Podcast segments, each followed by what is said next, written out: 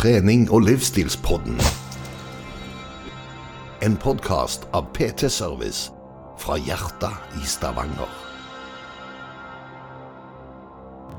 Hei og velkommen til trening- og livsstilspodden med meg, Lloyd Georg Færvik. Jeg har så lyst til å bare gjøre en endring der, men det er litt sånn På dette tidspunktet så ligger det i DNA-et, altså. Hei, Anders. Hei!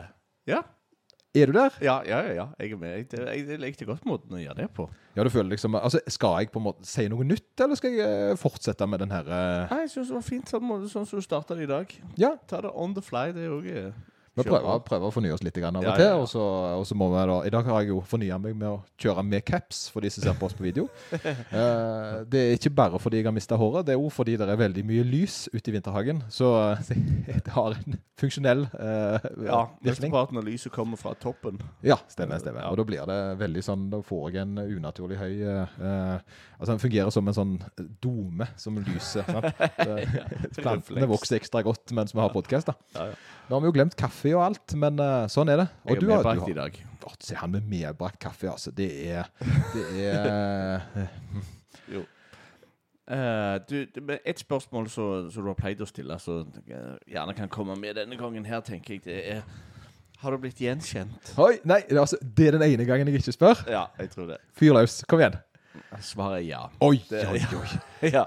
Jeg var, jeg var ute i Stavanger, i storbyen, og åt. Skulle spise biff.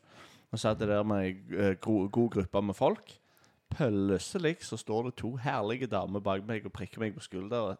Du Nei, nei og så De, de visste De, de eh, Ja, ja, ja. bar kjensel på deg, altså? Ja, de gjorde det. Det- Det er sikkert litt andre grunner til uh, enn podkasten, men de sa òg at de hørte på podkasten. Nei, så kult. Kim, hva, vet, um, skal ikke si navn, men uh, kan du forklare hvordan de ser ut? Uh, for dette visste ikke jeg om. Dette var nytt ja. for meg. Jeg har ikke hørt det. Nei, nei, nei, nå, nå har du hørt det. Hvis noen tar kontakt med deg på jobben så, og gir beskjed det var oss Oi, oi, oi. Ja, ja, ja. Det er kult, altså. Det er kult. Ja, men altså, ble det, Fikk de, fikk de autograf, da, eller ble det Nei, Jeg ble helt satt ut, så jeg, jeg visste ikke helt hva jeg prøvde bare å snakke.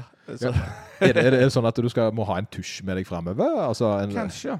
Kanskje. Men nå var jeg ute med ei gruppe med folk som sikkert har tusj med seg, for de gjør sånne ting. De er enda mer kjente, på en måte. Ja. Uh, ja og, det, og det er jo den hemmelige, den Og, hemmelige men det gjorde det jo ekstra kjekt, da, for det, det er jo ei gruppe med folk som er kjente på skikkelig. Ja, de, de er på ordentlig. Det er ikke sånn som oss som er som er driver og fyrer. Nei, De men er- det som de- var kjekt, da, det var det at det, det var noen som kom bort til meg og snakket med meg. Ja, ble de, ble de, Kjente de litt på den, eller fikk de litt sånn uh, Jeg, jeg litt vet deilig? ikke om de kjente igjen de andre, de som satt der. Altså, for det var litt sånn engelskspråklige som satt der, og eh, Men de, eh, de som jeg snakket med, de gikk ikke bort og snakket med deg. Det, det var litt det var greit, det òg. Jeg liker at du er, at du er så, så kryptisk på, eh, på da hvem du, eh, hvem du har som på en måte Som top secret, top secret ja. folk du henger med, da. Ja. Jo, nei, det, jeg, jeg har lovt at jeg skal være det. Ja, Så- Det er liksom oppskrifta di. Ja, stemmer. Men det, det, det, det er sånn litt hint litt av og til på Det på dropper litt, Instagram, dropper litt hint her og der. Og, og her inne òg, faktisk. er Der, der er hint. Det er hint, ja, men det er hint. Sant det er, sant det er. Ja, det er gøy. det er gøy. Men uh, nei, OK. Men ellers, da. Nå er jo sommeren på hell og litt sånn. Uh, ta nå så Forklar litt hva du har gjort forrige uke, mens jeg trykker litt på PC-en her. Å ja, ja, nei, det forrige uke Altså, det, ferien min er eh, Planen min var jo egentlig å klare å slappe av eh, og ikke gjøre så voldsomt mye. Og det har jeg på en måte Det har vært veldig vellykka. Eh, jeg hadde på slutten de de par siste ukene, kanskje måneden eller noe sånt, på jobben før ferie, så tok jeg på meg en del ekstra arbeid. Eh, som gjorde at eh, ja, jeg brukte mye tid på eh, selve arbeidet. Men da eh, skulle på en måte eh, ferien være ekstra god. Eh, når han endelig kom. da. Så eh, kom ferien, og eh, ferien hadde ikke før starta før jeg reiste på den der eh, turen min. Eh, var to uker vekke i lag med kone og unger og bare slappet av.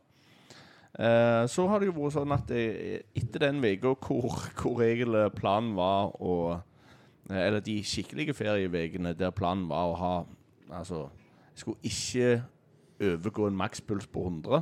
Ja, har du klar, klarte du det? Ja, klarte klar- du det, så ja, kom jeg i med den. Med stil. Det klarte jeg veldig bra.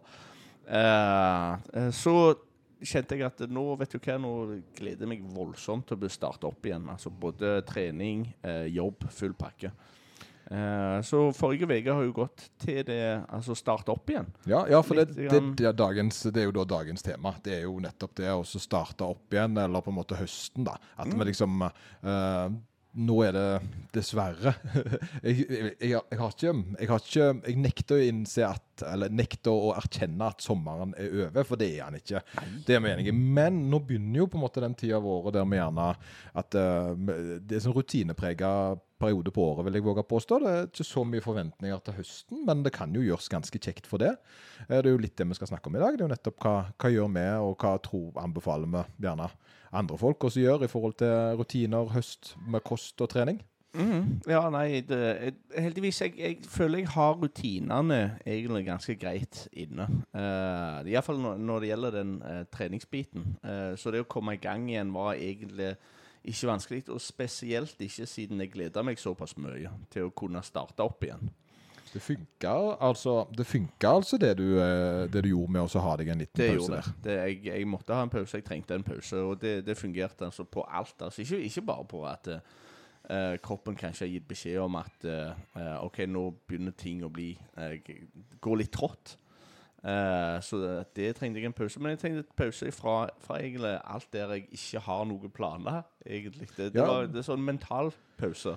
Jeg er- ære være de som klarer på en måte å bare bremse opp og gjøre noe annet, altså. Det jeg snakket om sist. Det er jo noe med erkjennelsen om at jeg gjerne er litt eh, strukturert. Eh, Jeg fikk jo litt passe påskrevet av Åsmund nå. eh, fordi det jeg trodde var normalt, var gjerne ikke helt eh, det, i forhold til rutiner og sånn. For jeg, jeg er jo eh, Jeg har alltid trodd jeg var veldig impulsiv, men, eh, men eh, jeg er nok Jeg blir veldig sånn inn i rammene på ting. Og så, og så jobber jeg veldig sånn konkret mot spesielle mål. Det er bare det at målene gjerne skifter seg, da. Så det virker som om jeg er spontan, kanskje. Men jeg gjør bare nye ting som gjerne ikke andre folk gjør. Men jeg gjør det veldig sånn konsekvent.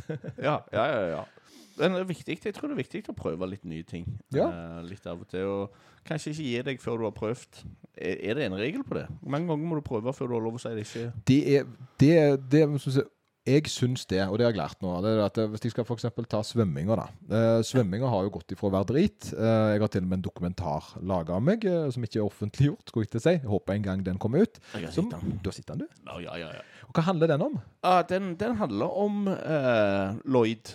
Ja, han heter Lloyd. Det er crazy. Det. var det er Lloyd. Så det, eh, det er jo en, den dokumentaren der han litt grann om eh, vel, trening og, og livsstil. Og han Ja. går litt grann utenom trening òg, syns han. han får litt grann, eller jeg syns det. Han får litt grann behind the scenes. Han snakker med eh, de nærmeste dine. Han ser litt hva du gjør på eh, altså, og i, i tillegg til treninga. Ja, og hvorfor gjør det? Ja, ja, ja. Og så er det det med Så- svømming, da, som gjerne er det som er hooken, føler jeg. Det som på en måte han Sindre Nordmann som lagde denne filmen her. Han lagde jo den fordi han syntes det var så rart at jeg var At jeg, var, at jeg svømte, men jeg ikke likte det så godt, da. Ja. Uh, og, så, og det er jo litt med det, det der at eh, OK, når skal en på en måte gi opp noe, da? Uh, det er en fordel for meg i forhold til svømming. Det er fordi at svømmingen hører sammen med noe annet. Så hvis jeg kun skulle drevet med svømming, så hadde det vært veldig sært. Sant? Og på en måte, ja, jeg hater å svømme. Ja, hva det du vil bli, da? Nei, jeg vil bli svømmer. Den er rar, sant? Uh, men, men når du driver med triatlon, så er svømming en forholdsvis liten del. Jeg vil si, Hvis en skal på en måte ta svømming og triatlon, så vil jeg sagt at uh, 20 er svømming, 40% sykling og 40% løping. Så jeg føler liksom sykling og løping er ganske godt fordelt, men svømminga er en mindre del av det. altså. Ja. Uh, når en da tar f.eks. et eh, så en tar et, eh, et vanlig triatlon, da, så, så varer jo det det jo da 1500 meter svømming, som for en god svømmer går på 25 minutter. Eh, og så er det da sykling, som da gjerne for en god syklist går på ja, da en god, men si en normalt god, da, mellom 55 og 1 time og 5 minutter. Og løpetur som da på 10 km som varer rundt 40. Så, så en vil si det er på en måte svømminga som er den minste delen. da. Eh, og sammen med swimrun, der er det gjerne òg litt sånt. sant? Men der har du da så mye utstyr du svømmer med at jeg vil nesten ikke kalle det svømming. Jeg vil heller kalle det for skuldertrening. For du svømmer med sånn pedaler på hendene, skulle jeg til å si, og så bruker du jo ikke beina fordi du har sko på. Så, så for meg så er det jo blitt kjekt. sant? Og nå er det jo faktisk eh, og, Men jeg liker jo ikke så godt å gå i bassenget.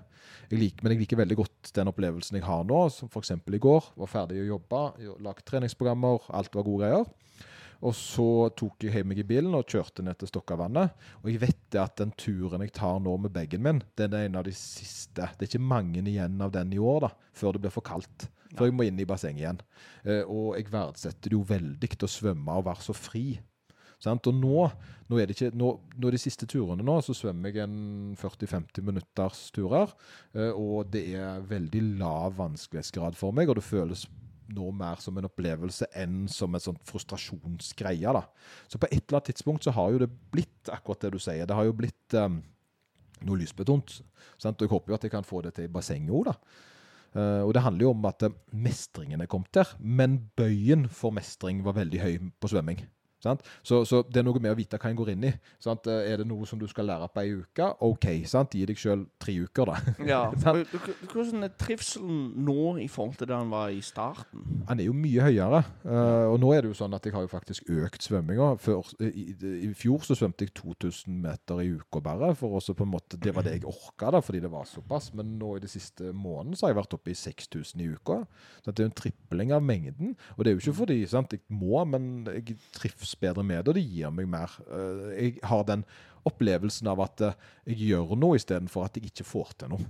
Ja. Så, Ja. så det har på et eller annet tidspunkt gått over til å Ikke at jeg er blitt god på det, men at jeg er blitt uh, trygg på det. da, Eller tryggere på det. Ja, så det er mestringsfølelsen. I lag med mestringsfølelse som følger òg på en måte glede.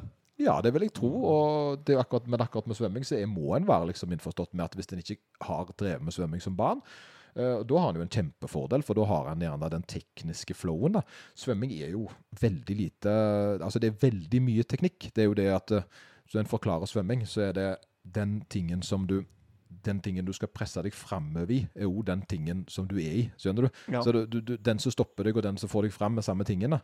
Så du skal på en måte være eh, Du skal dra deg fram i det samme du skal bevege deg i.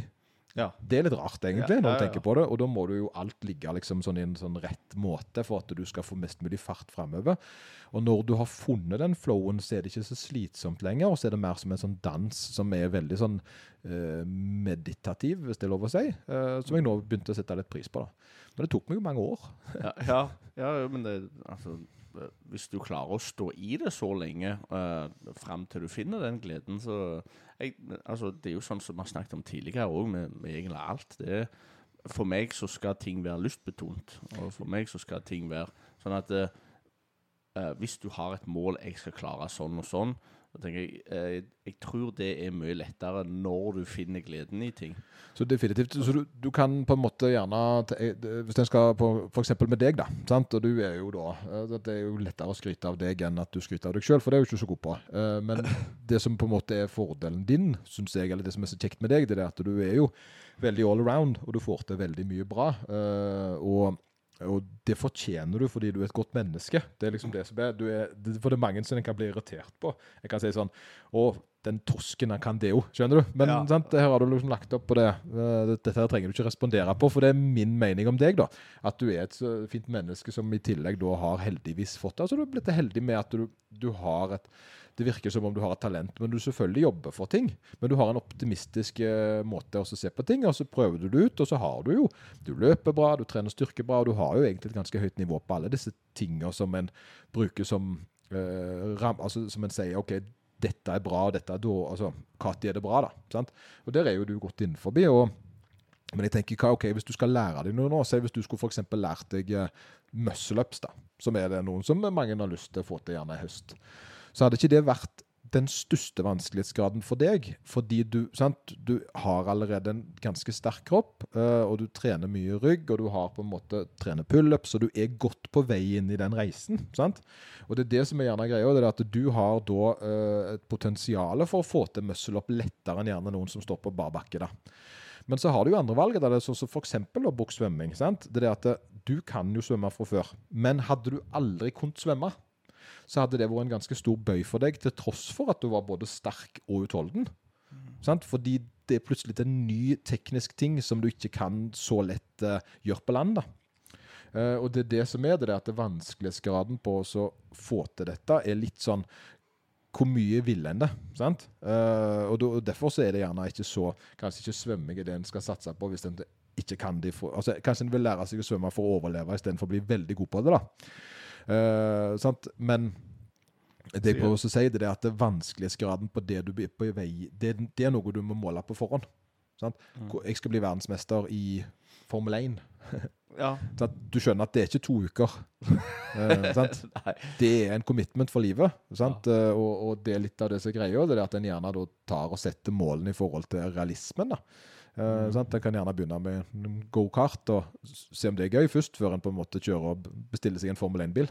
ja jeg, har hørt de koster litt, det der. ja, jeg har forstått det. Det er en film jeg faktisk har lyst til å se. da. Eh, en sånn en som omhandler Det var noen masse gamere som fikk muligheten for oss å til å være med. Også, og Gran Turismo. Gran Turismo, ja, men filmen Ja. Han ser Ja, ja, ja. gøy ut, altså. Ja, han gjør det. Ja, så, så, så det, og der er det litt sånn at det der, Men det, det har de på en måte De har jo den ene biten, sant? som Mm. da gjerne at de har de har kjørt masse bil sånn virtuelt, da. Og de har kanskje på en måte noen av den der eh, sant? Og så putter de på de trening, og så, sant? og at de har en reise.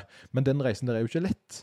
Og det er jo det en vil ut på. sant? Så prosjektet i høst må jo være da gjerne å finne noe som en finner sitt nivå på. Eh, Ja. At det kan være det, da. Mm. Jeg, har lagt merke til det på meg sjøl hvis jeg starter med nye ting og, og prøver de opp. Jeg finner eh, altså trivselen, holdt på si, eller gleden i å plutselig klare noe. Eller klare litt mer av det jeg hadde lyst til å gjøre. For det er at det, mange av de tingene som jeg allerede gjør en del av fra før av, ting går veldig seint. Hvis du skal plusse på 2,5 kilo, hvis du skal plusse på 5 kilo i f.eks. benkpress, det tar litt tid. Ja, når du har kommet til et visst nivå, så, så, eh, så blir det litt vanskeligere å flytte på en måte de da, for det at du, du har, tingen er at jo, bedre, jo lenger du har holdt på med noe, jo bedre er du blitt på noe.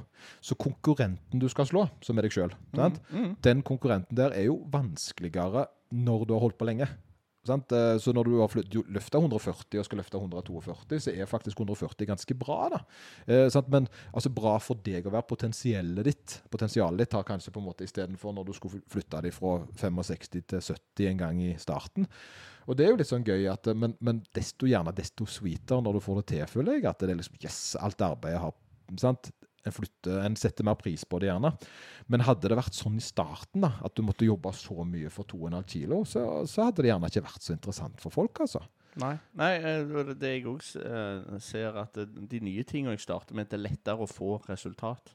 Ja. Uh, og det er lettere å kanskje oppnå noe, få til teknikken f.eks., så får du til uh, den og den øvelsen, få til, altså legge på litt grann ekstra kilo. Bare de små tingene som gjør at nå får jeg det til. Sammen med summinga di. Altså, I starten, når du ikke fikk det helt til, at det kanskje gikk litt grann trått, og så plutselig får du det til.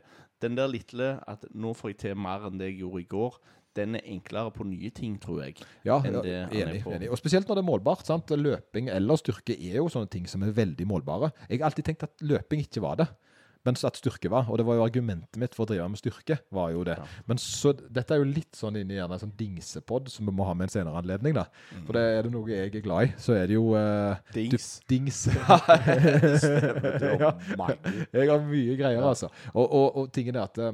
Det er ikke alle som trenger det, men det kan jo være greit at det fins. da. Og da mener en klokker, jeg mener wattmålere, jeg mener solbriller. sant? Altså eh, Elektroniske solbriller som viser hvor fort du løper, f.eks. Altså, jeg mener ikke folk som, som, som skygger for sola. Det trenger en ikke. men, eh, men sånne ting. eh, og, og, og hva det kan bidra med i forhold til svømminga, eller, sant? eller hva en måtte holde på med. da. Eh, og der er jo litt av greia, da, det at jeg føler sånn som svømming har vært veldig vanskelig å kartlegge. Først må en jo lære hvordan en måler framgangen i svømming. Og det er jo litt rart å tenke på, sant? for jeg visste jo ikke hva, hva en sier. Nå sier en f.eks. at ah, jeg svømte to pace. Sant? Hva betyr det? Da har jeg svømt 100 meter på to minutter. Sant? I basseng. Eller ute. Nå, nå, for i går, da når jeg svømte 1500 meter, sant? hadde en fin tur, forkorta den litt, fordi jeg ble faktisk litt redd for at det skulle bli mørkt. Eh, litt fordi det var dog på brillene, og det føltes som det mørkna. Og jeg tenkte jeg skal ikke eh, Jeg vet ikke helt når sola går ned nå i august, så jeg gambler ikke. Selvfølgelig var det heldigvis veldig lyst når jeg kom på land, men, eh, men det er noe med å være på den sikre sida, spesielt når en er ute og svømmer. Men da svømte jeg 1500 meter i en gjennomsnitts to-pace. ikke sant? Og da har jeg plutselig kan jeg beskrive litt uh, hvor fort jeg svømte til en annen som svømmer. da. Uh, og så kan jeg se ok, intervallene mine skal være i 45. Og så plutselig er det sånne ord som en gjerne ikke visste før. da. Og da kan en plutselig begynne å måle, måle litt gjennomsnittsfarten sin, eller sant? alle disse tingene som en ikke visste fantes før. Mm. Og for meg så er det veldig sånn Jeg er veldig glad i målbart. veldig glad i det. Ja, Sant? ja, ja. Jeg elsker det. Det var det. Nei, jeg, eh, det, det har jo litt sånn praktiske egenskaper òg, dette her å kunne måle ting. For det er jo to pace. Hva- hva- Hvordan er det Er det veldig fort, det? Eller er Nei, det er ikke fort i det hele tatt. Altså Ikke for en god svømmer. Uh, så er de nedpå altså, For å si det sånn, altså de gode svømmerne er nedpå de svø Jeg har hørt, vet ikke hvor lenge de svømmer, men uh, Keris, som har vært med på poden en gang, hun sa det at en god svømmer kan svømme 6 km i timen. I Ganske kort uh, greie, da. Men sant? Når, når jeg da svømmer 1500 på 40 minutter, så vil det si Nei, 30. 30 minutter var det. Ja, da hadde jeg sprunget ja, tre, dobbelt så fort som meg, da. Ja, OK. Sant? Dobbelt Ja. så fort. Mm. Og det, og det er dobbelt så fort i vannet, liksom. Det, da, går det, da går det unna Gunnar, altså. Mm. Så, så det er klart at um, Men det er fortere enn det var. Sant? Eh, I fjor så var det ti minutter senere på samme strekning. Og Ja. langt mer eh, høyere vanskelighetsgrad, vil jeg si. Så nå ikke bare er det lettere å svømme den samme strekningen, eh, altså det føles lettere ut å gjøre. Så det er raskere og føles lettere ut. Så det har jo vært en framgang der. Som jeg da ble sånn litt Jeg ble veldig glad den dagen jeg så på klokka og innså det at jeg har jo flytta den gamle rekorden min med ti minutter. Og det eneste jeg har gjort, er å kontinuerlig trene to til tre ganger i uka. Det er det eneste.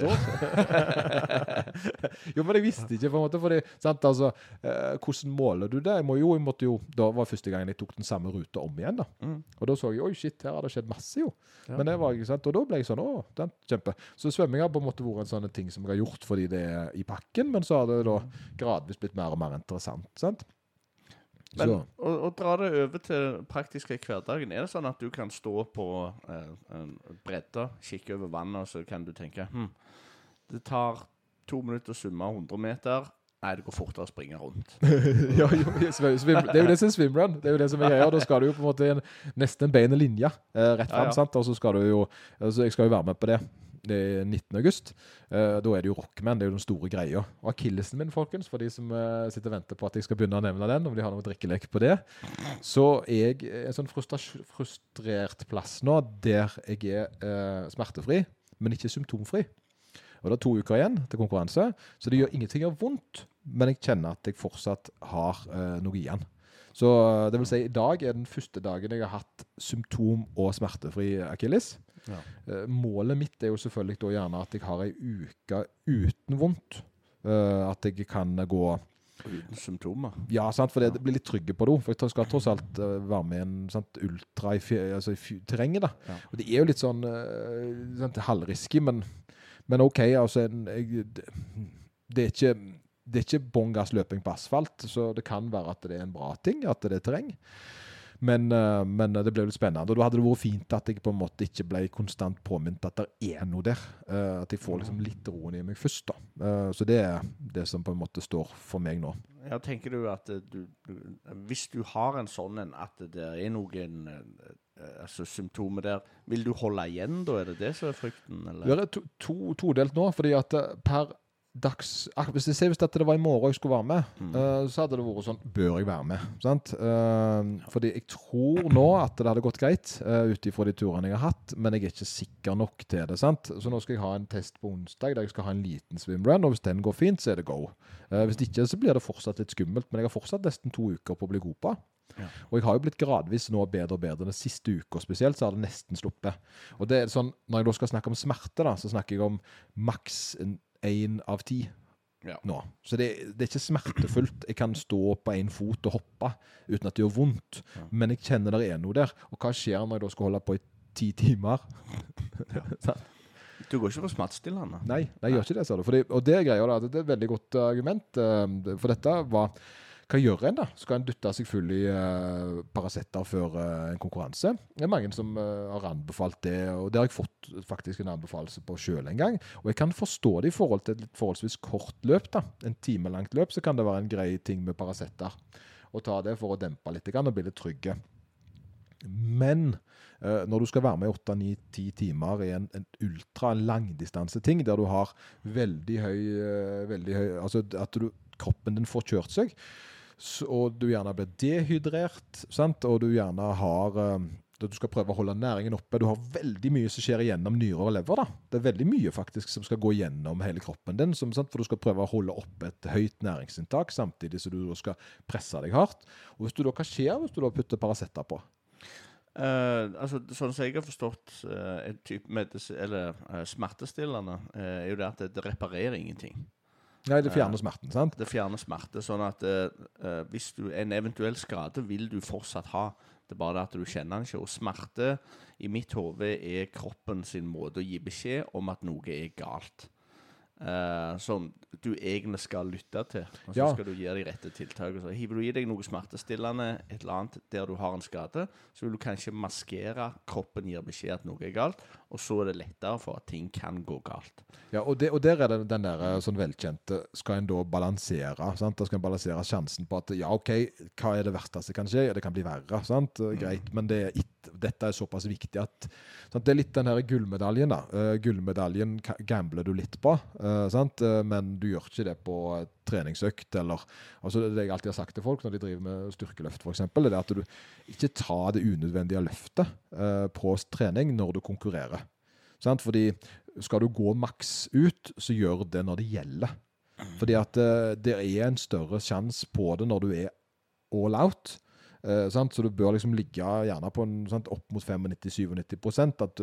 For når du kommer nærmere 100, så mister du teknikk og alt. og Det går som oftest bra fordi du er på såpass påskrudd, men spar det til de viktige gangene. da. For det er noe med det mentale òg, det å ta seg ut.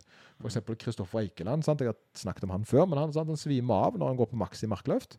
350 markløft. Så han har en egen person som passer på seg. eh, eh, som da eh, passer på at han, hvis han, det- hvis han svimer av, da, så er det noen som tar han. Han detter bakover. Ja. Uh, og det er jo faktisk noe som de begynte med i styrkeløft. Det at det står en som passer på i tilfelle det er noen som svimer av. Og det er ikke en treningsting, men jeg kan forstå folk som er villige til å presse seg så hardt. fordi sant? I, I et EM eller VM, da.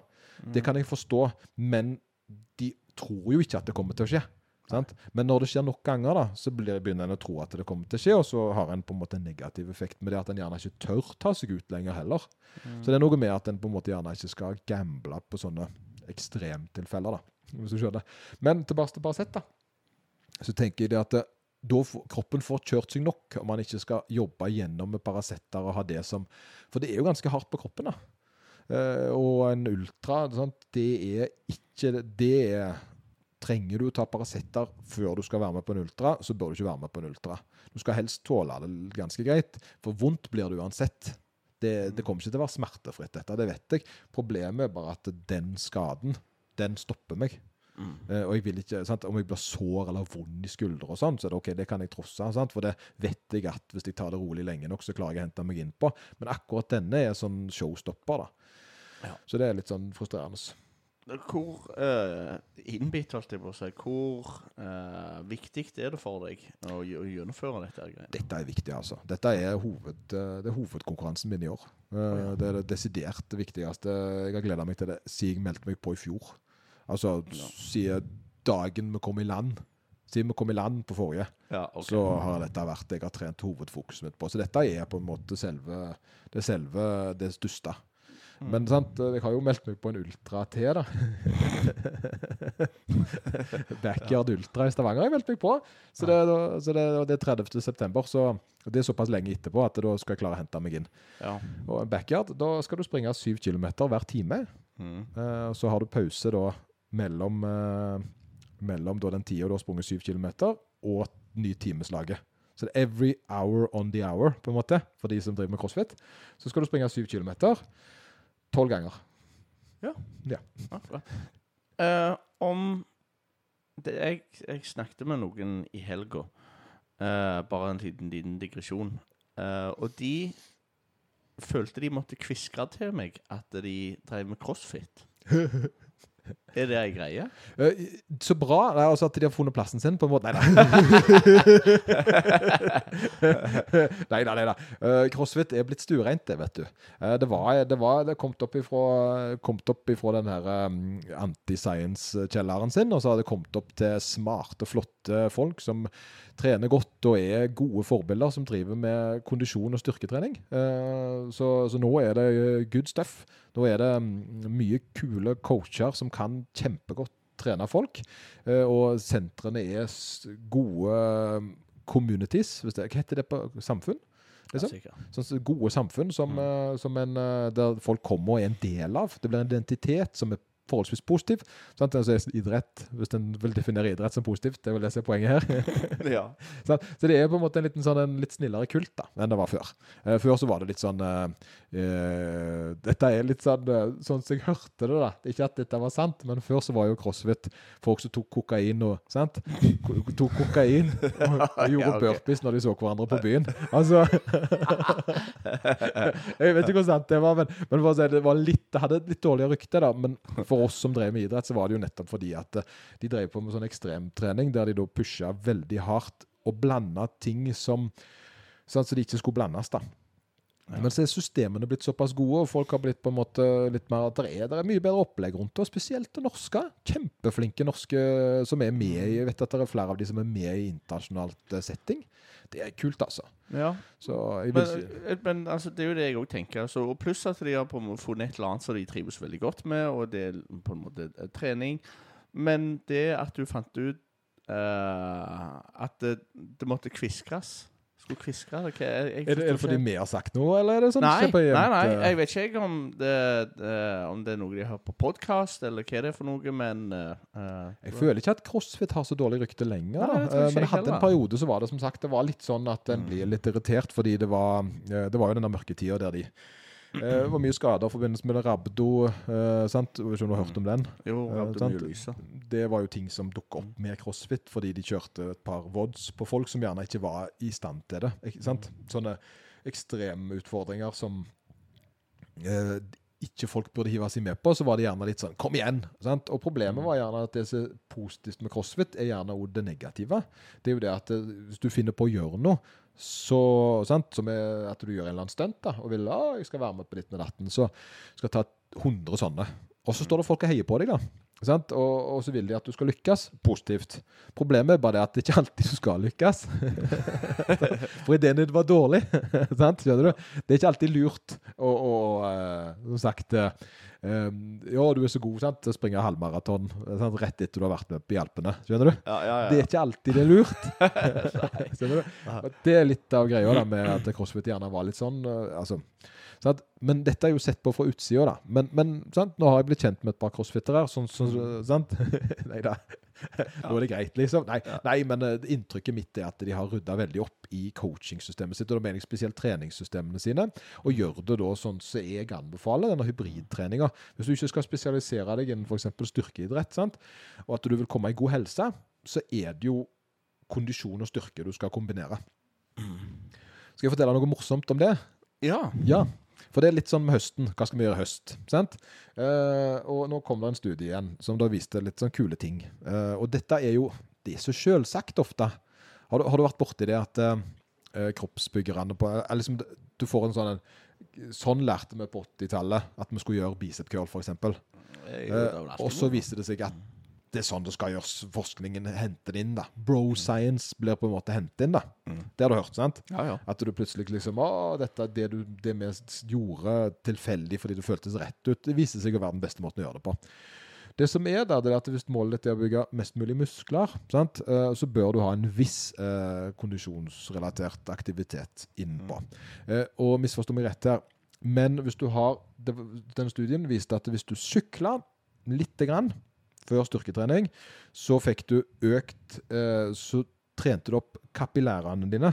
Så du fikk mer kapillærer. Har du lyst til å fortelle litt hva det er? Ja, kapillærer det er de aller minste blodårene du har eh, ut i vevet. Ut i vevet. Mm. Og det fikk du av da å trene, trene sykling, som da er lav impact. sant? At du ikke blir sliten som du blir med løping. Vi snakket med Åsmund om. sant? Mm. Gjerne at du ikke, Løping er veldig tungt, men sykling er mindre belastende. Så da, i denne studien her så viste det seg det at eh, hvis du sykla før eh, hadde en 20-30 minutter syklings før styrketrening, så var, hjalp det på å gi deg mer kap kapillærer. Og det er jo veldig bra hvis målet ditt er å bygge muskler. da. Hvorfor det?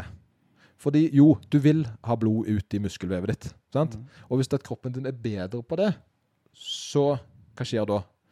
Nei, da får du mer ut i vevet. ja, sant. Mm. Du, så, og, og her er greia, da. Så, så OK, sykling, da. Hva annet kan en gjøre, da? Jo da, hva er det kroppsbyggere gjør? De går tur. Ja, gå tur, ja. De går briske turer før uh, morgenkardioen sin. Ja. Sant? Uh, det er de veldig glad i. De, de er jo veldig glad i å gå, og det gjør de jo helst for å forbrenne kalorier. Sant? Mm. For de er jo litt tallmenneske, sånn som meg. og så, og så uh, går de gjerne en brisk tur på morgenen for å forbrenne kalorier. Eh, og det gjør jo at de øker kapillærene sine, får Mm. bedre blod ut til muskelvevet som de trener med styrke, og får sammen en veldig sånn god kombo. da. Ja. Så ikke hvis du er på kroppsbygger på høyt nivå eller styrkeløfter på ekstremnivå, er dette lønnsomt. Men litt kondisjon, uansett litt kondisjon, til og med for styrkeløftere, og da mener jeg, sant, vær med gjerne opp fem minutter på sykkelen, vil gjøre at du får bedre eh, evne til å få blod inn i musklene dine. Og det er jo lurt. Mm. Så det var en studie. Så det var litt gøy. Ja, eh, sett vekk fra muskler. Eh, se på andre organer og eh, altså hele kroppen din. Dette Helsa, jo, liksom. Ja, helsa, ja.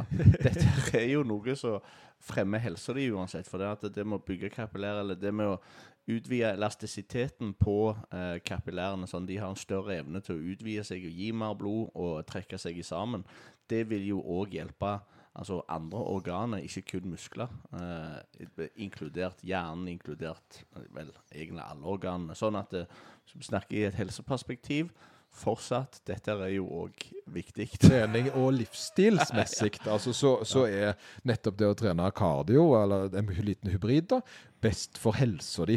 Sant? Og, det er, og det gjelder ikke bare for oss over 40, det gjelder alle aldre. da, Så er det faktisk optimalt nå. Nå ser en gjerne til og med målet ditt er hypertrofi, å bygge muskelvev, så vil det nok være lurt å faktisk ha en liten fin aktivitet der. Og egentlig så gjelder det meste, altså så lenge du får økt uh, puls og holder litt høyt puls. Uh, sant? Så det kan være masse kjekke ting en kan gjøre, uh, for å si det sånn. Det trenger ikke være sykling eller gåing. Det kan være ja, jeg har mange gode ideer. hva, hva tenkte du først? Hva Nei, nei, nei, nei. På- Tilbake til noe annet. Det var det. Nei, så var ikke ti miler. Ja. Jo, gjerne, da. Skal vi ta litt Ja, Fortsett, du. Du hadde noe. Jo, ja, nei, for jeg spurte, jeg, jeg spurte tidligere om hvor mye du gleder deg til dette hovedaktiviteten i år. Sånn, sånn. Hvor stor er sannsynligheten for at, uh, du gleder deg såpass mye og ønsker det såpass mye at det overgår fornuften din? Fornuften. Ja, Eh, at du ikke bør. Altså, ikke bør, ja. hvis, hvis du kommer til et punkt der eh, hjernen din sier Vet du hva, dette er ikke spesielt lurt. Eh, Men så sier den andre Ja, men jeg har jo veldig lyst. Det som, er, det som er litt av problemet med akkurat denne, det er at det, det hadde vært lettere hvis de var alene. Uh, sant? Eh, men jeg er jo det, Swimrun er jo en, eh, er jo en eh, lag Altså, det er med et lag, da. Så det, jeg har to personer. Så det er meg og Ruben som skal gjøre det sammen. Og jeg har ikke lyst at han må stoppe opp midt i uh, fordi jeg må, må hoppe av. Det har ikke jeg lyst til. For det ødelegger for to personer. Og jeg, jeg, jeg, jeg tror ikke han gjerne kommer til å delta hvis ikke jeg kan, men jeg vil helst være såpass trygge på at jeg klarer å fullføre. At han, han får en god opplevelse. Uh, fordi det er jo noe han har trent veldig bra til sjøl òg. Og sant, hadde vi hatt muligheten til å putte det en annen person For å si det sånn, selv om det hadde vært en tredjeperson som kunne steppe inn, så har jeg fortsatt troen på at dette kommer til å gå bra.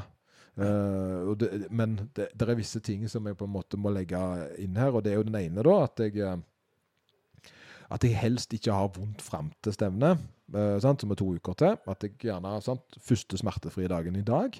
Eh, og da mener jeg helt totalt smertefri. Eh, ikke at jeg, For jeg har løpt, tross alt. Jeg har jo løpt fast. Det, det er vel det som er rehabilitering. Ja, det er jo rehabilitering, men lav rehabilitering, sant? Mm. som vi har snakket om før. At eh, jeg har holdt meg innenfor og skrevet smertelogg, og den har jo vist at det, det har jo vært lavere og lavere.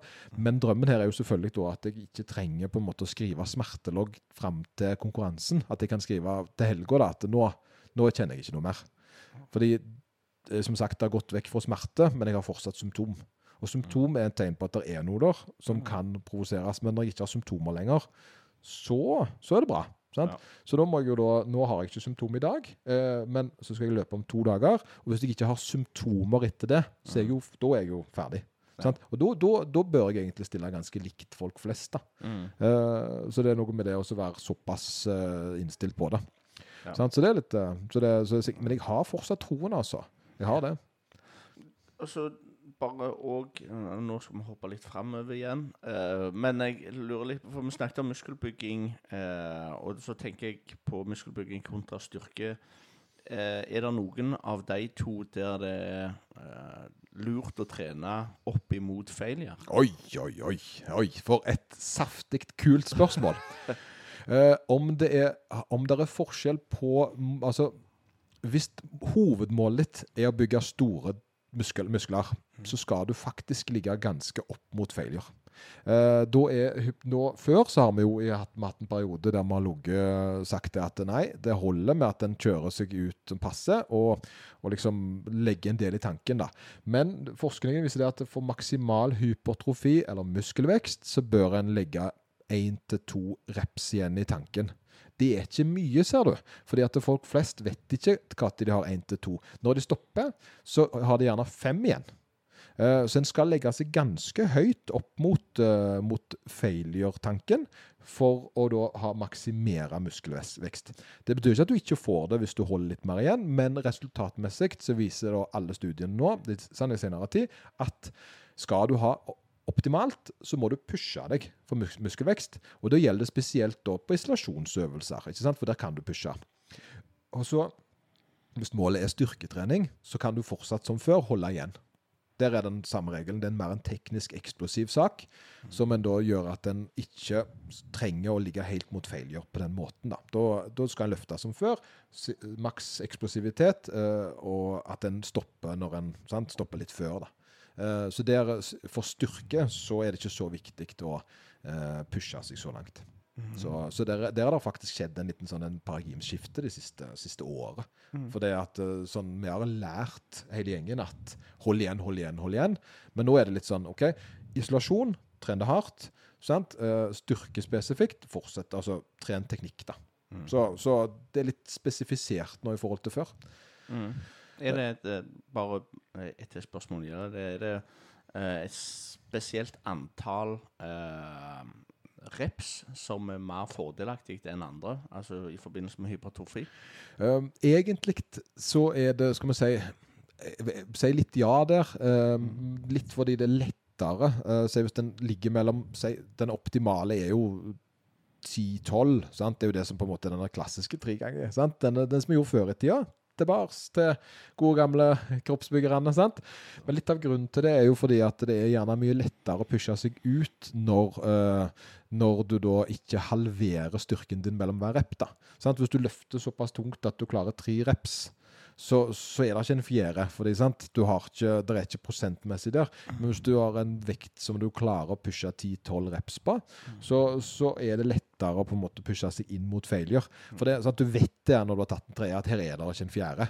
Sant? Men den tredje kan ha vært Da er du på 80 Det var ganske mye igjen. Du har egentlig mye igjen, men ikke nok? Mm. Uh, mens det er lettere på en høyere, da, og da ser en jo det. og Nå var det jo studie. Kroppsvektøvelser er like god for hypotrofi som da eh, vekt, eh, vekt for?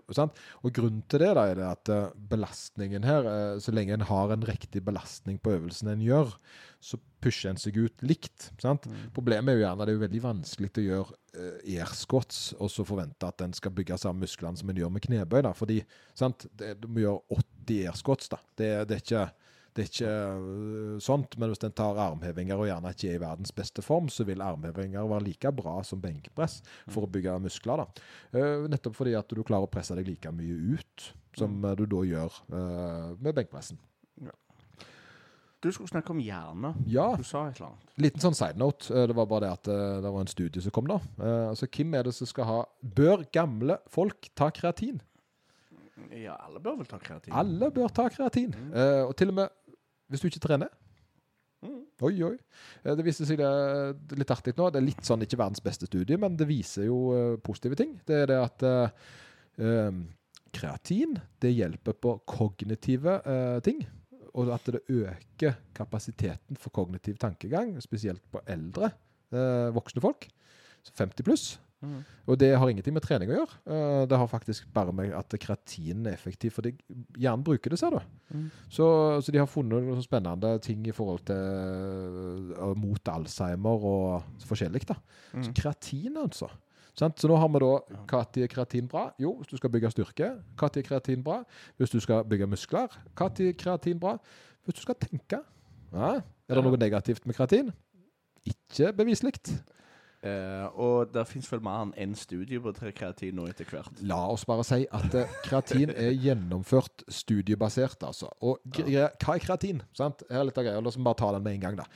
Kreatin er noe som alle oss får i oss. Det er ikke noe som kommer på sida av kostholdet vårt. Spiser vi mat, så får vi kreatin i oss. Spesielt hvis vi har et kjøttprodukt. Kjøtt, eh, hvis vi spiser litt eh, kjøtt, da. Så får vi kreatin i oss. Fordi, og kreatin har den effekten at det gir hjernen vår, eh, hjernen og muskler ekstra energi. Det er muskelenergi, rett og slett, som kommer via vanlig kost. Det vi gjør, er jo da å spe på med ekstra. sant? Ja, men er det bra, da? Jo, det er på samme måte som det er bra å spesialisere kostholdet sitt. Sant? Det er jo det vi vil gjøre. Superfood. Sant? Vi vil jo ha, sørge for at vi spiser grønnsaker, at vi spiser kjøtt, at vi spiser sunt og godt. Sant? Det er jo gjerne ikke kalt naturlig, da. Optimaliserer jo maten vår. Sant? Altså, hadde vi vært øh, huleboere, så hadde vi jo hadde vi ikke spist tre måltider med perfekt makroblanding hver gang. Så det er litt sånn at kreatin er egentlig bare en matsort som er bra for deg. Skjønner du? Det er ikke, det er ikke, det, det, det, det er ikke farligere det enn å ha sukker på, eh, sukker på havregrynet. Det er en sant, søtning. Og det, og det er- litt av tanken en skal ha på med kreatin. At det er ikke noe som er kjemikaliegreier. da. Det er rett og slett bare energi som, som en får i seg på en fin måte. Ja. Så en for kreatin, altså. Ja, men bare òg det der med kjemikalier. Kjemikalier òg er ofte litt misforstått. For det at det, det aller, aller meste vi får i oss Hvis du leser innholdsfortegnelsen på vel egentlig alt, så har det sånn vanskelige navn alt i sammen. Altså til og med bananer har. Ja, det var jo sånn at E-stoffer E-stoffer kan jo være salt og pepper, sant? men det er såpass vanlig at det bare står salt og pepper. Men det har jo et E-nummer. Ja. Så, så en tenker gjerne hva det er for noe. Det er jo den kategorisering av hva produktet er. Sånn at du kan gå inn og så kan du se ok, E295, da. Jeg vet ikke jeg. Det kan være vitamin D. sant, også. Skjønner du? Det, det, Mm. det, har en, eh, det er en kategorisering, og det på en på da innholdsfortegnelsen til et produkt, så er det line up da. Og det, dette er en sånn liten sånn en side note. Men visste du det at hvis du ser bak på produktene ditt, se hvis du har kjøpt deg en eh, jeg, Hva spiser du? Hvis du har tatt Liker du eh, Jeg kommer ikke på noe, men OK. Hvis du tar en Fjordland, da. Ja. eh, og ser innholdsfortegnelsen, så ser du jo selvfølgelig hvor mye kalorier, proteiner og sånt det er. sant? Men så hvis du ser på eh, hva det inneholder av produkter, så vil det alltid være line opp i forhold til innhold. Så mest først. Det Ja. visste du kanskje ikke. Nei. Sant? Så hvis det står sant, poteter, så er det mest poteter, og så står det fisk, og så, sant? og så står det faktisk hva det er mest av i Ja. det. Så, innhold, så det skal alltid være, alltid være i forhold til uh, mengde. Ja. Det er en sånn grei ting. Ja, ja. Det, det var jeg ikke klar over. Da er jeg klar over det. very good. Det var Liten det. science i eh, Det er sånn nice. Endelig så lærte jeg, kunne jeg lære videre det jeg lærte på Nordkonserv næringsmiddelteknisk fagskole. Ja. Det og sykkelpumper. Det er to personer som lurer. Ja, ok. Ja. det var ting. Jo da, men altså, der har du på en måte litt av Det, det var jo det vi gjorde, sant. Vi var jo, eh, så norsk næringsdeklarasjon er faktisk top of the world. Uh, I USA så er det litt, kanskje litt sånn skjulte ting, men i Norge så er det ikke det. De har regna med det meste, altså. Så det er bra greier. Ja. Du har hatt en veldig deilig ferie, og du har begynt å sette veldig stor pris på det å slappe av. Uh, det å komme over dørterskelen igjen og starte opp igjen. Åh, jeg er så imponert over deg. altså. Du bare bam, rett på sporet igjen. Du, vet du hva, i dag har jeg gjort noe, uh, og det var det litt av det jeg tenkte. Uh, jeg måtte gjøre det litt fordi vi skulle snakke om det i dag, men nå har jeg endelig Jeg har altså lagt på meg i sommer. Jeg har det. Og du klapper? Ja, ja, ja, ja, ja, men eh, ja, OK. Jeg er faktisk ikke så forstyrra med det som jeg burde vært, kanskje. Men uh, jeg har gått opp tre kilo. Uh, høres ikke så mye ut, men det er fire til fem uker med kostholdsreduksjon for å rydde opp i det. Så hvis en ikke vil ha tre kilo, så må en være klar over at det er en god måned med rydding. Um, og grunnen til at jeg har gjort det, er jo flere faktorer. Jeg vil tippe at det er stress i forbindelse med å ha barn i sommer. Setter det øverst på deklarasjonen der. Det andre er jo det at jeg ikke har fått løpt som vanlig fordi akilles. Eh, og det tredje er at jeg har eh, rett og slett gitt meg sjøl litt slack. Eh, sant?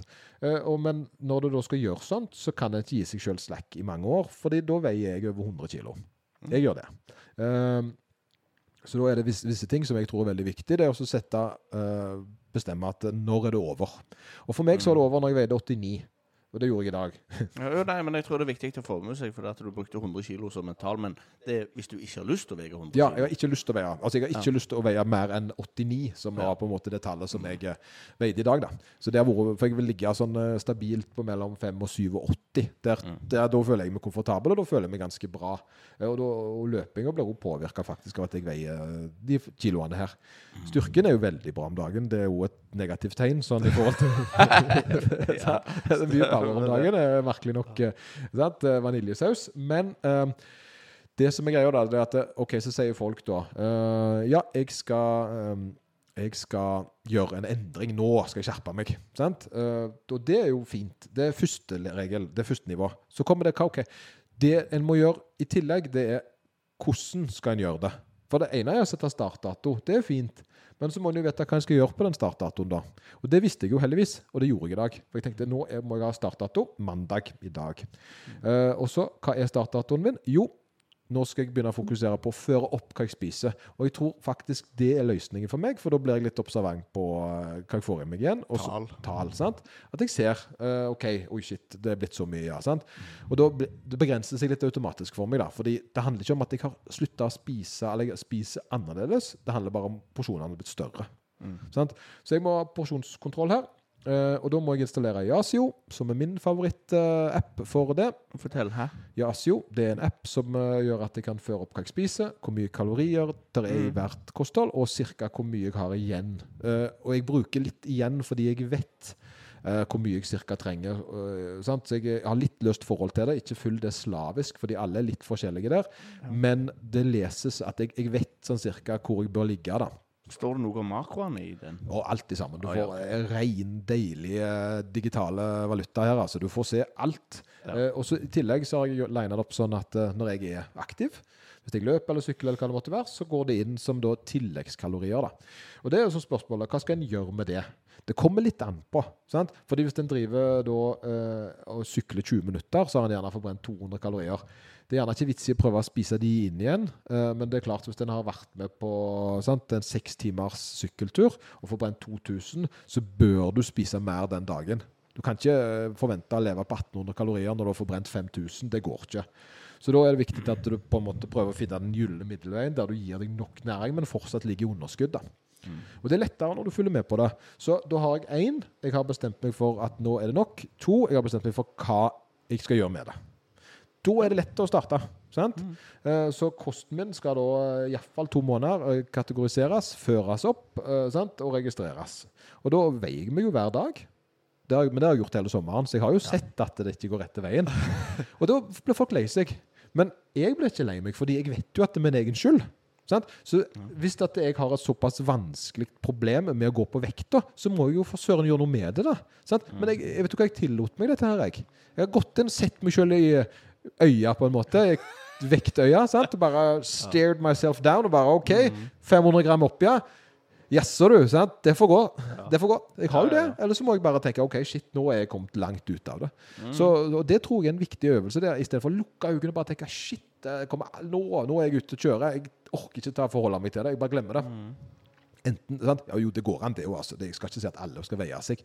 Men, men jeg tenker noe med å bare Hvorfor føler du sånn som dette? Hvem er det egentlig du er sur på? Ikke sant? Det er, enten så er det greit, eller så er det ikke greit. Du må tenke for deg sjøl. OK, eh, jeg tillater meg sjøl det fram til det er lettere for meg å gjøre endringer. Nå jobb, Jobben er i gang igjen. sant? Eh, rutinene mine er i gang igjen. Det er lettere for meg å gjøre den her nå. Og så har det vært ganske fint. da. Sjokoladeboller på båt i går. sant? Ja, for det, det, det er akkurat det jeg òg tenker på når det gjelder sommerferie. Når det gjelder, for mange er det handler det òg om jul. Det, jeg tror kanskje det er sunnere, det som du har gjort, det å trives og kose deg og holde på med dette her, og så bare ta et grep etterpå. Hvis du ikke har lyst til å være der som du er, så gjennomfører du det du skal gjennomføre. Nå det tenker jeg òg må gjelde altså, sånn som jul, for eksempel, der folk kanskje ikke trener så mye, ikke så iherdig, kanskje er det veldig godt. Men det er det, det, er det psykiske oppi dette her. Jeg liker jo å starte opp i januar med en god diett. Starte Ja, ja, året på rett kjøl, liksom. Jeg syns det er fint. Jeg. Men, men her er greia at det, det, er, det en forskjell, en liten sånn for å ta en tillegg på det du sier. Yep. Så, så, så ja um, Men hvor langt vil du, da? Sant? Jeg vet jo det, det var de tre kiloene, den magiske grensa mi her. Alarm, alarm. sant? Og den sniker jo på seg for meg uansett. Så når jeg er nede på 87, så vil jeg havne opp på 89 igjen på et eller annet tidspunkt, når jeg slutter å følge med. Da går jeg ned igjen, og jeg vet at det er en commitment som varer i sant? én til to måneder. Og det klarer jeg å leve med. Problemet hvis jeg hadde gått opp 10 kilo, da, da blir det jo en, Da må jeg jo holde på sant? 20 uker. Ja. Da har jeg plutselig latt det gå så langt at det påvirker en tredjedels år. Eh, og det er noe en gjerne vil gjøre for å rydde opp skikkelig, men en vil gjerne ikke skli ut så langt.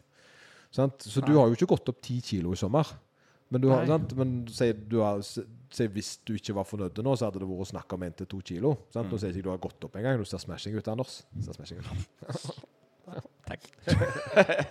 Men sant, greia er at en gjerne har litt rammer for seg sjøl. Hvor langt jeg er villig til å strekke disse strikkene. For det, sant, det er ikke enten-eller. En må jo ha oversikt selv om en velger eh, å miste oversikten, hvis du vil. da. Ja. En kan jo ikke bare lukke øynene og håpe det går bra, for det gjør det jo ikke.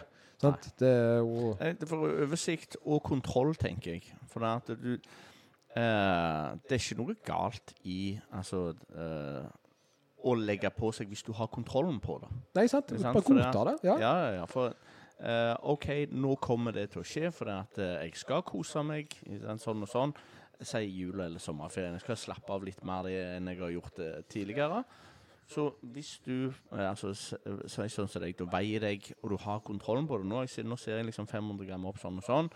Så kan du lettere ta tak i det etterkant, og du vet hvilken tid du skal ta tak i det. Sant? Ja, det å, men sant, konk konkretisere planen, da. Det er det som er greia, da. Og, øh, og jeg tenker det at kose seg er jo et sånn definisjonsgreie. da. Jeg er ikke så glad i det må være lov å kose seg, for av og til så er det faktisk ikke det. Eh, av og til så har du kost deg nok.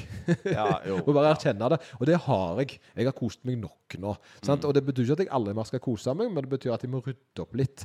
Fordi jeg er nemlig sånn at hvis jeg spiser sjokolade hver dag, så har jeg lyst på sjokolade hver dag. Jeg blir ikke plutselig den dagen Nei, nå er jeg forsynt. Det er en økende behov for mer og mer sjokolade til jeg tar et grep. Sant? Jeg er nødt til å rydde opp nå for å få det litt inn på den strukturen jeg vil igjen. Og litt av grunnen til at jeg har gått opp, sant? Eh, for eksempel hvis en tar jul, så er det jo fordi det er mye ekstra mat, og det er litt roligere og sånn.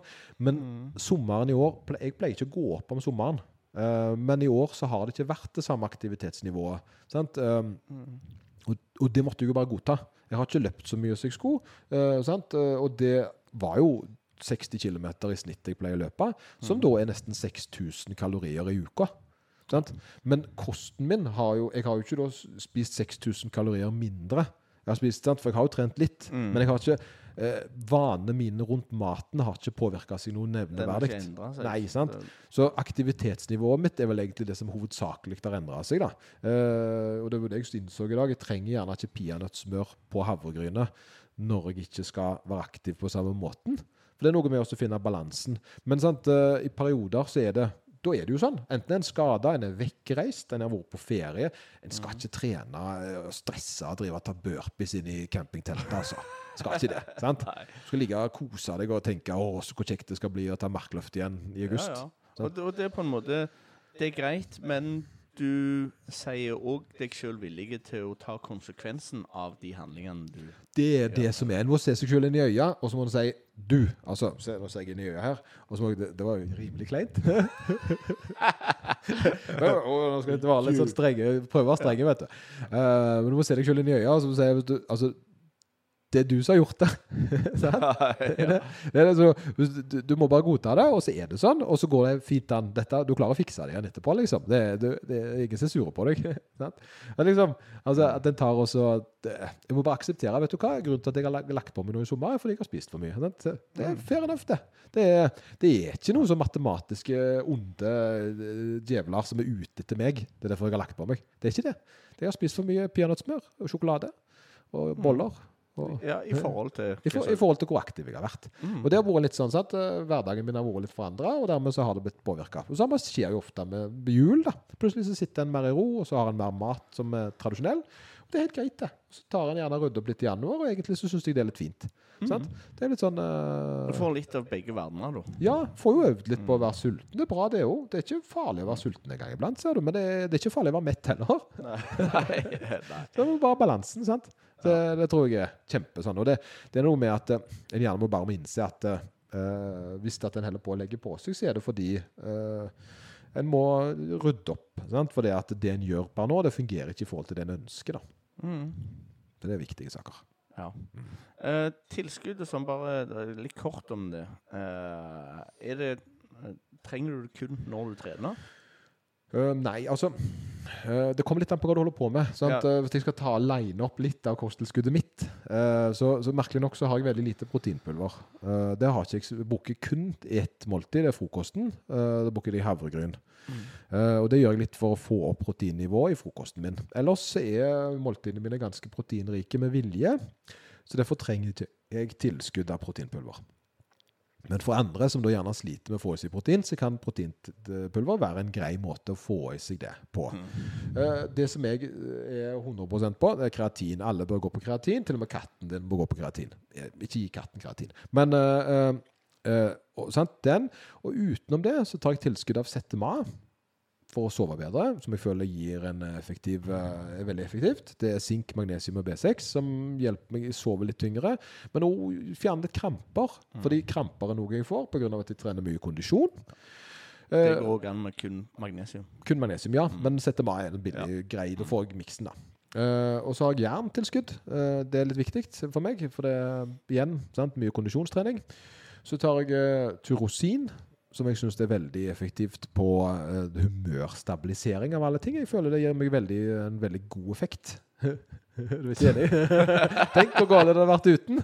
Tenk hvor galt det hadde vært uten. Nei, men jeg synes det at altså, Humør ikke som om Det er mer at uh, sinnsstemningen min eh, det, det, og den, og, Så det har ikke så mye egentlig med treningen å gjøre, men jeg er ganske fornøyd med måten jeg føler meg på. Der, jeg føler rett og slett Akkurat som jeg går rundt med litt mindre dårlig samvittighet. Selv om jeg har mye dårlig samvittighet. Men det hjelper. Sant? Det er det som er greia. Uh, utenom det, beta-alanin syns jeg er veldig bra. Det kombineres med kreatin for økt utholdenhet. Men det er ikke ting folk trenger å ta. Hvis folk skal ta noe, så ville jeg sagt sånn som dette. Kreatin ja. Kondisjon, styrke ja. Uh, proteinpulver hvis du ikke er god å få i deg proteiner. Uh, og annet med behov. Mm. Sant? Tid? Altså, tid altså, Nå har vi sagt gamle. OK, fint. Få i de. Eh, unge. Alle. Alle når de trenger det. Sant? Altså, ja, også, øh, altså, du trenger jo magnesium og proteinpulver og kreatin når du er ung òg. det er jo ikke sånn at eh, kreatin er bra. Ja, det er bra for hjernen til de eldre, men det er jo bra for eh, kroppene til de yngre som ønsker å få resultater. Og det er ikke farlig. sant? Ja, forutsatt at de har begynt å trene. Ja, ja det, det er en fordel. Altså, det, faktisk trenger en ikke trene for å ta kreatin, men det har såpass liten effekt at det liksom Altså, det har ikke noen treningseffekt, skjønner du, men, men det skader ikke å ta det. Sant? Det er litt sånn Kan spise sunt selv om du ikke trener, liksom. Så det er et sunnhetsprodukt, det jeg prøver å si. da. Det det, det, kom, det er blitt et mer et sånt all around lurt produkt å ta fordi helsa di. Mm. Må, må, det hører ikke lenger så mye til hard trening. Før så var det liksom å ta kreatin fordi det er det du må ta hvis du er skikkelig seriøs med treninga. Det viser seg at kreatin er lurt å ta uansett. det. Kreatin mono? Eller? Ja, mono. Og her er greia, og dette har jeg sagt tusen ganger, men jeg sier det igjen. Sant? Kreatin monohydrat er den billigste varianten. Eh, Den binder du litt vann av. Betyr det at du legger på deg? Ja. Hvor legger du på deg hen? Du legger på deg intramuskulært. Hva betyr det? Jo, det betyr at du øker volumet på musklene dine lite grann. De svelger bitte litt opp, som gjør at du får økt muskelvolum, som gjør at du ser, ser litt beefere ut. Du ser ut som du trener litt mer. Du ser ikke tjukkere ut. Du får det ikke i haka. Sant? Du får det ikke i panna, du får det ikke rundt magen. Du får det på musklene dine, som er en bra ting, fordi jobben til kreatin er å hjelpe musklene dine å jobbe. Så ta hvis du, og ikke vær redd for at du øker litt i vekt, fordi den vekta der vil du ha. Det er en god vekt å ha, for du trener jo for å få nettopp det kreatin hjelper deg med. Sant? Så noe deload-fase? Nei. Deloader du protein-kjøttkaker, liksom? Nå har jeg hatt kjøttkaker i to år, nå må jeg ha to uker fri. Nei, du gjør ikke det, så hadde du spist kjøttkaker hver uke hvis du har lyst på det. På samme måte som kreatin. Ikke legg det opp på noe sånt at det er Kroppen trenger ikke renses for kreatin. Det er akkurat som å renses for kjøttkaker, liksom. Det skjer ikke. Bare stopp litt. Rensing, det er, jo, det er jo mange som har sånne renseprodukter. Oi, oi, ja. ja, ja, ja. ja. Sånn de hiver opp i blenderen sin, og så whips uh, kroppen. For de har ikke tarm.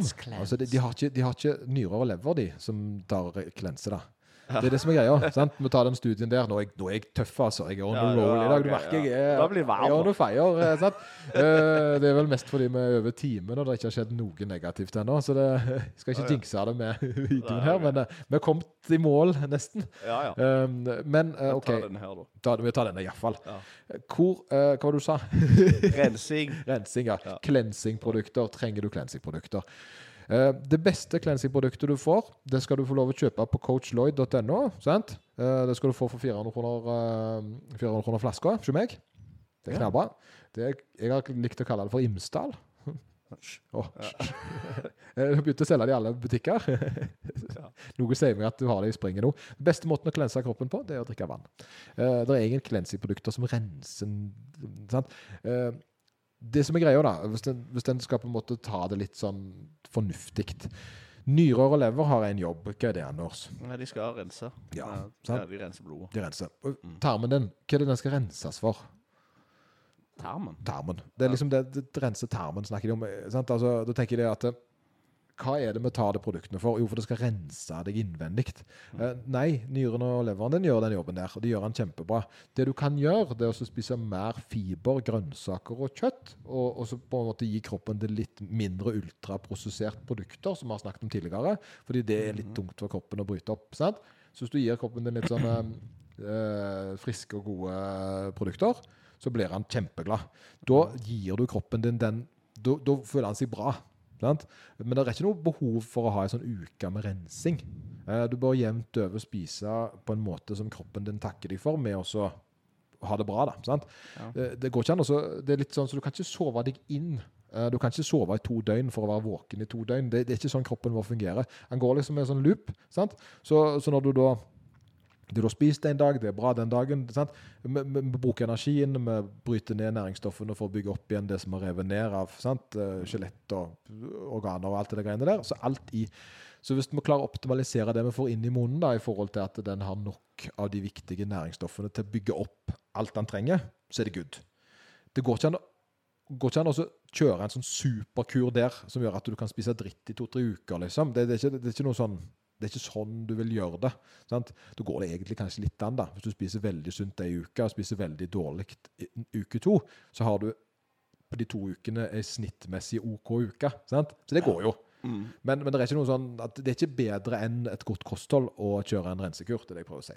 Nei. Så det er egentlig bare meningsløst. Kroppen prøver som regel å få regel eh, ganske godt til sjøl òg, å fikse opp Altså å fikse opp i seg sjøl hvis du gir han muligheten. Han er Så- eksepsjonelt god på det, faktisk. Det er jobben Ja. hans. sant? Og hvis du i tillegg da gir han produkter som fiber eller da antifiber, på en måte, alt etter om du får stoppa eller ikke, så, så, så, så får den da eh, det, det, nå, ble helt stilt på det ordet der. Uh, antifiber, hva er det, tenker folk seg da. Og da husker jeg jo selvfølgelig ikke hva det er.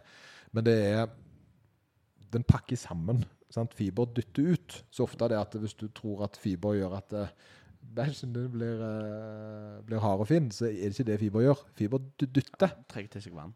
Ja, han dytter bak. Det er hvordan en kost. sant? Mens du, hvis du da tar eh, husk, fiberhusk, ja, fiberhusk, så okay. pakker de sammen, og så får du bedre Da. Så hvis du sliter litt med løst, så Uff da, doktor, doktor Dyregod her. Ja, Ja, da, ja, jo, men sant, altså eh, Rensekur, nei, du trenger ikke det. Du trenger å drikke vann, og du trenger å spise grønnsaker, og det er gode greier. sant? Uh, det er bra for deg. Uh, en sånn rensekur har ikke noen sånn effekt som setter deg over et nivå.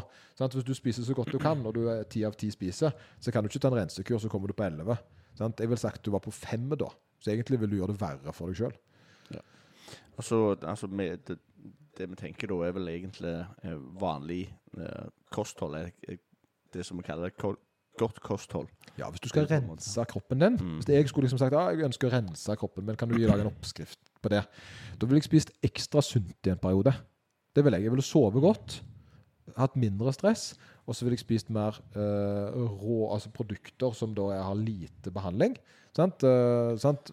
Ferske råvarer, eh, og som ikke på en måte er most, eller altså nærmest mulig, da, sånn at du, kroppen får liksom litt å jobbe med på den naturlige måten. Ja. Sånn ville jeg gjort. hvis For da gir du kroppen sjøl muligheten til å det som kalles for rense opp s- og skape en mage-tarmflora som er ønskelig. Du gjør optimale forhold, rett og slett. Ja, sant? Sove, eh, ha det bra, leve et godt liv, være lykkelig og spise grønnsakene dine.